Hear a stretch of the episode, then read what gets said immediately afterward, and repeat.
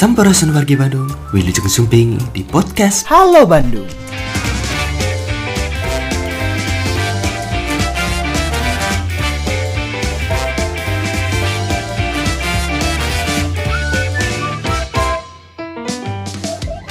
Setelah sempat mengalami penundaan beberapa waktu yang lalu, pendaftaran online seleksi penerimaan calon aparatur sipil negara atau CSN dan pegawai pemerintah dengan perjanjian kerja atau PPPK di lingkungan pemerintah Kota Bandung resmi dibuka. Apa saja formasi dan syarat yang harus dipersiapkan dan bagaimana mekanisme dalam penerimaan CASN serta PPPK di lingkungan pemerintah Kota Bandung? Mari kita dengarkan bersama informasi yang disampaikan oleh Ibu Siti Fitria Saada selaku Kepala Bidang Pengadaan Pemberhentian dan Informasi Kepegawaian pada BKPSDM Kota Bandung dan Bapak Novan Eka Putra Sanfisda selaku Kepala Sub Bidang Pengadaan dan Pemberhentian pada BKPSDM Kota Bandung. Tentunya hanya di podcast Halo Bandung.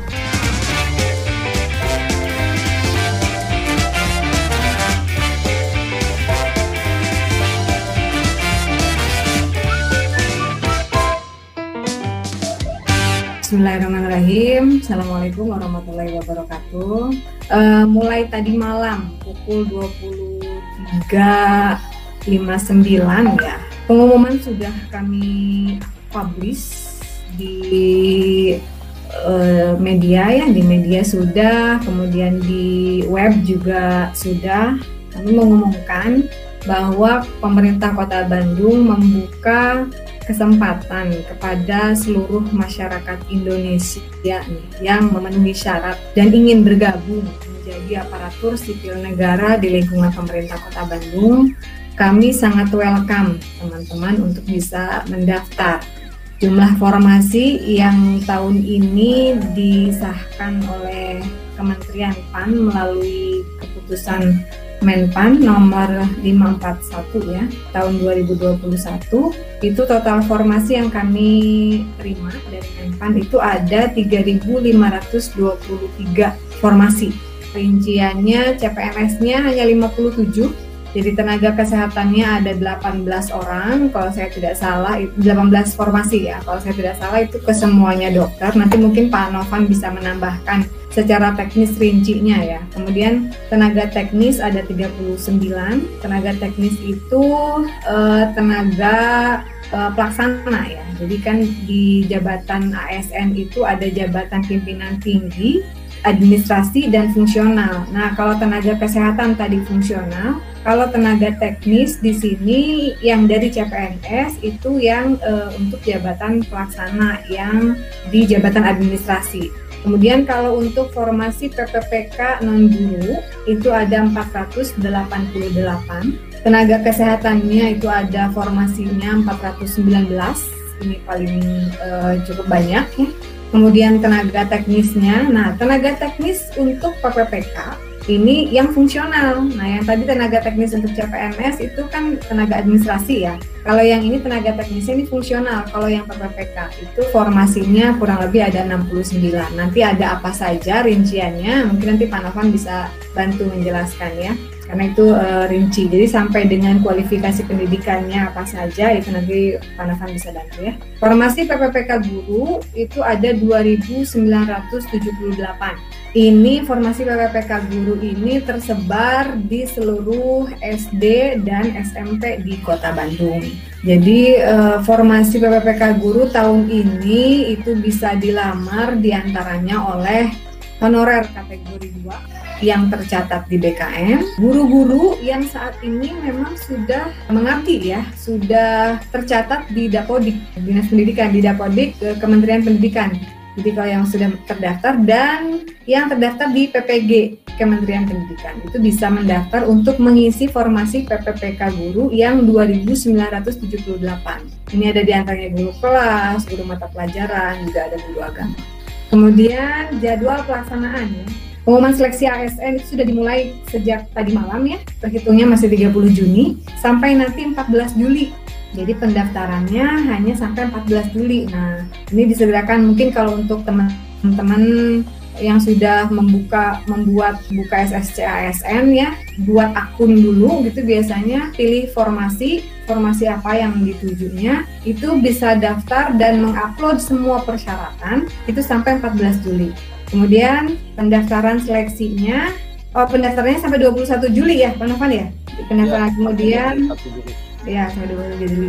Kemudian pengumuman hasil seleksi nanti akan diumumkan insya Allah kalau sesuai jadwal yang ditetapkan oleh Panselnas itu 28 sampai 29 Juli. Kemudian nanti akan ada masa sanggah dari tanggal 30 Juli sampai 1 Agustus, pengumuman hasil sanggah 2 sampai 8 Agustus. Nanti ini bisa kita share ya jadwalnya pelaksanaan SKD CPNS-nya itu rencananya nanti di 25 Agustus sampai dengan 4 Oktober. Nanti akan ada tanggal khusus untuk pemerintah Kota Bandung di tanggal berapa gitu ya. Itu nanti ditetapkan oleh Panselnas. Kemudian pelaksanaan seleksi kompetensi PPPK non guru itu nanti setelah pelaksanaan SKD CPNS. Mudah-mudahan nanti pandemi sudah mereda ya. Nanti kita bisa melaksanakan seleksi. Kemudian pengumuman hasil SKD itu direncanakan di sini di tanggal 17 sampai sampai dengan 18 Oktober 2021.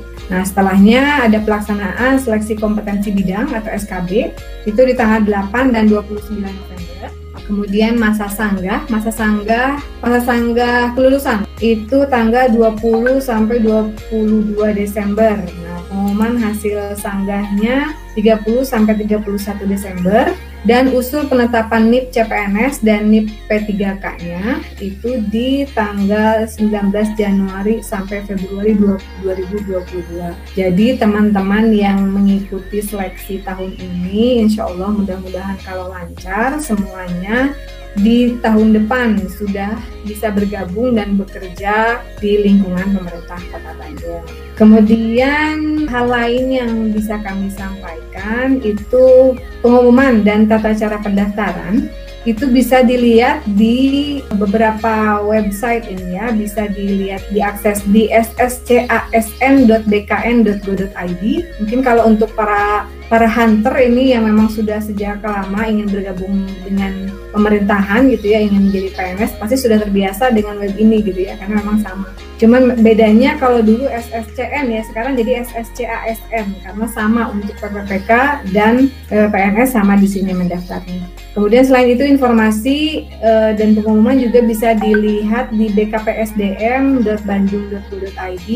Kemudian di bandung.id juga bisa dilihat. Nah, kalau pendaftarannya yang sudah sudah tadi kami sampaikan itu hanya bisa dilakukan di sscasn.bkn.go.id. Namun memang sampai saat ini menurut berita untuk yang formasi guru masih terkendala nih belum bisa daftar. Nanti kalau misalnya sudah ada informasi dari pusat sudah dibuka, nanti pasti kami kami sampaikan kembali.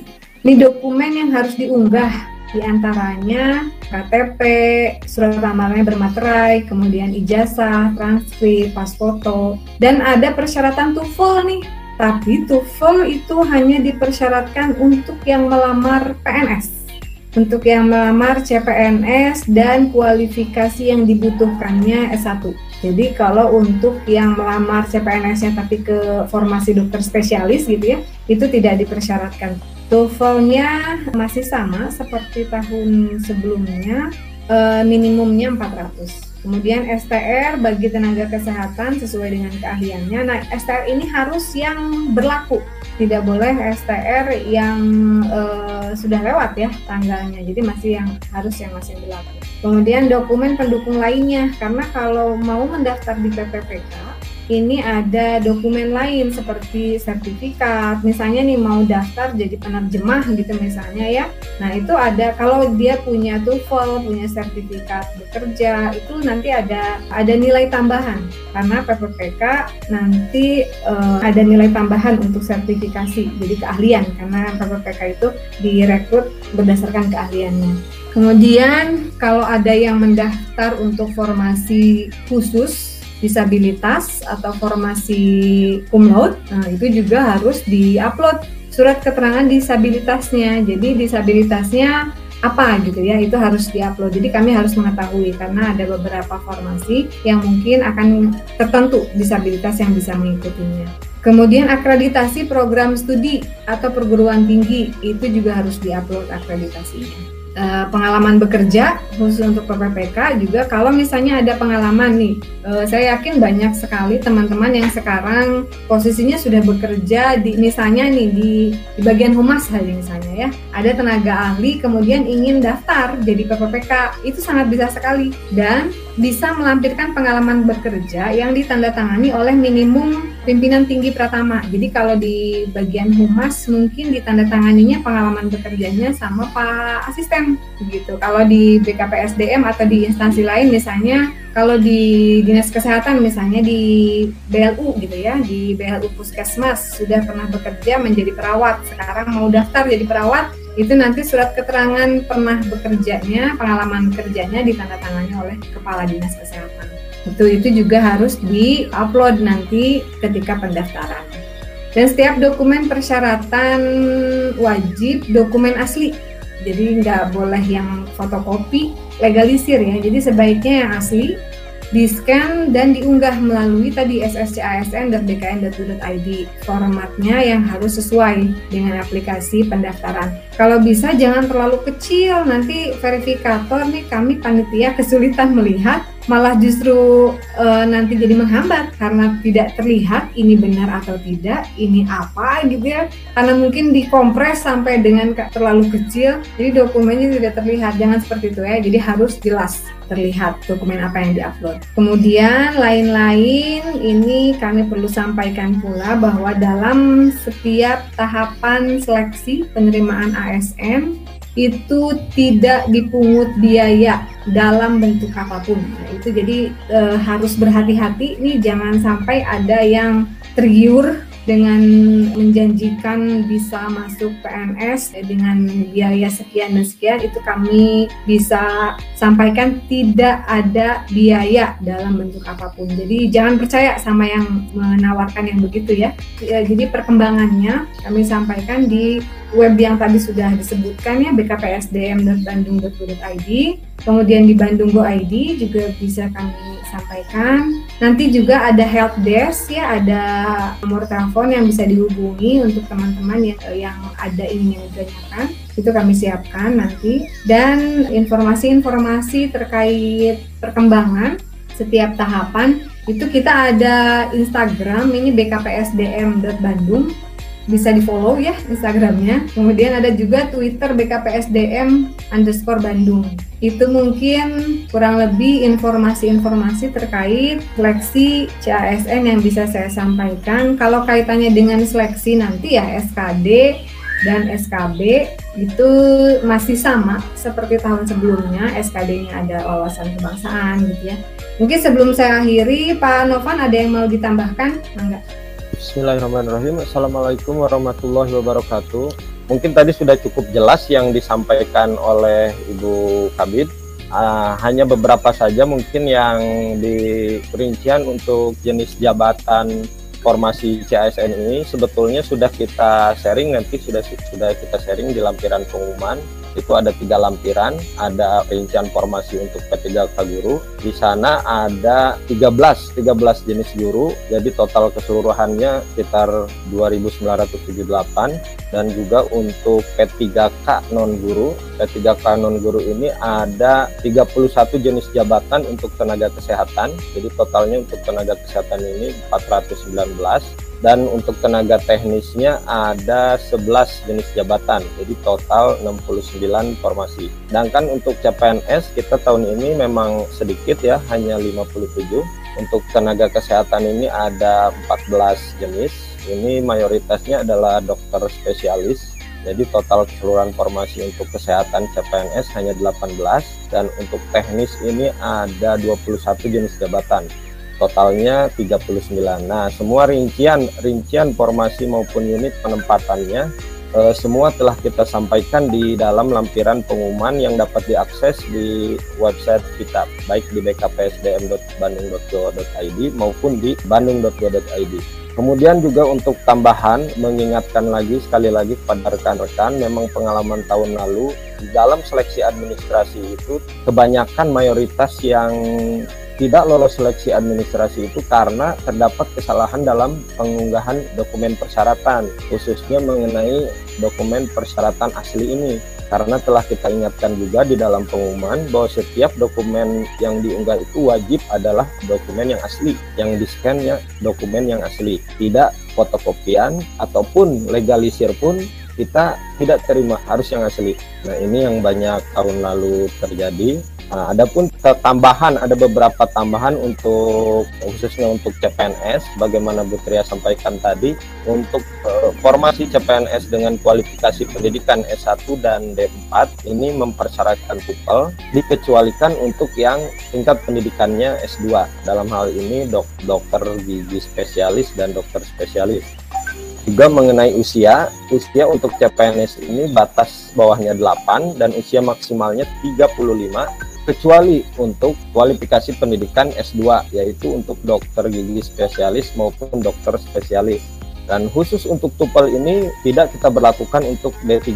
Untuk tenaga kesehatan D3 itu tidak berlaku untuk tupel, hanya untuk kualifikasi pendidikan S1 dan D4. Jadi mungkin mekanismenya untuk pendaftaran ini kan langkah awal yang harus dilakukan itu adalah membuat akun. Jadi kemungkinan peserta sekarang ini masih dalam proses pembuatan akun.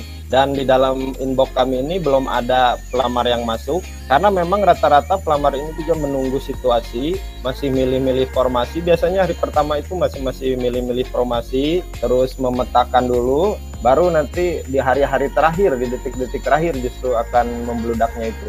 Sedangkan untuk e, disabilitas untuk CPNS ini sesuai ketentuan kita tetapkan 2% sesuai dengan ketentuan. Jadi dari 57 total formasi CPNS terdapat dua formasi disabilitas. Ya, untuk yang PPK, hmm. formasi PPK ini e, untuk disabilitas dapat melamar di formasi mana pun termasuk juga untuk PPK guru ini sudah diatur dengan surat edaran dari Dijen Kemendikbud. Ada beberapa yang memang untuk formasi bahasa Indonesia dan bahasa Inggris ini kecuali disabilitas rungu. Kemudian untuk guru penjas orkes kecuali disabilitas tunadaksa dan untuk uh, guru seni budaya dikecualikan disabilitas tunanetra. Selain itu dapat melamar di formasi mana pun untuk P3K. Sedangkan untuk CPNS kita telah siapkan formasi khusus disabilitas yang jumlahnya sesuai dengan ketentuan 2% dalam hal ini untuk Kota Bandung ada dua formasi disabilitas pada CPNS disabilitas ini ada di formasi penyusun laporan keuangan dengan kualifikasi pendidikan S1 akuntansi untuk unit penempatan di Dinas Pemberdayaan Perempuan dan untuk penyusun program anggaran dan laporan S1 akuntansi untuk di, di Dinas Sosial dan Penanggulangan Kemiskinan. Sementara informasi yang dapat kami sampaikan, terima kasih kesempatannya. Wabillahi taufiq walhidayah. Assalamualaikum warahmatullahi wabarakatuh.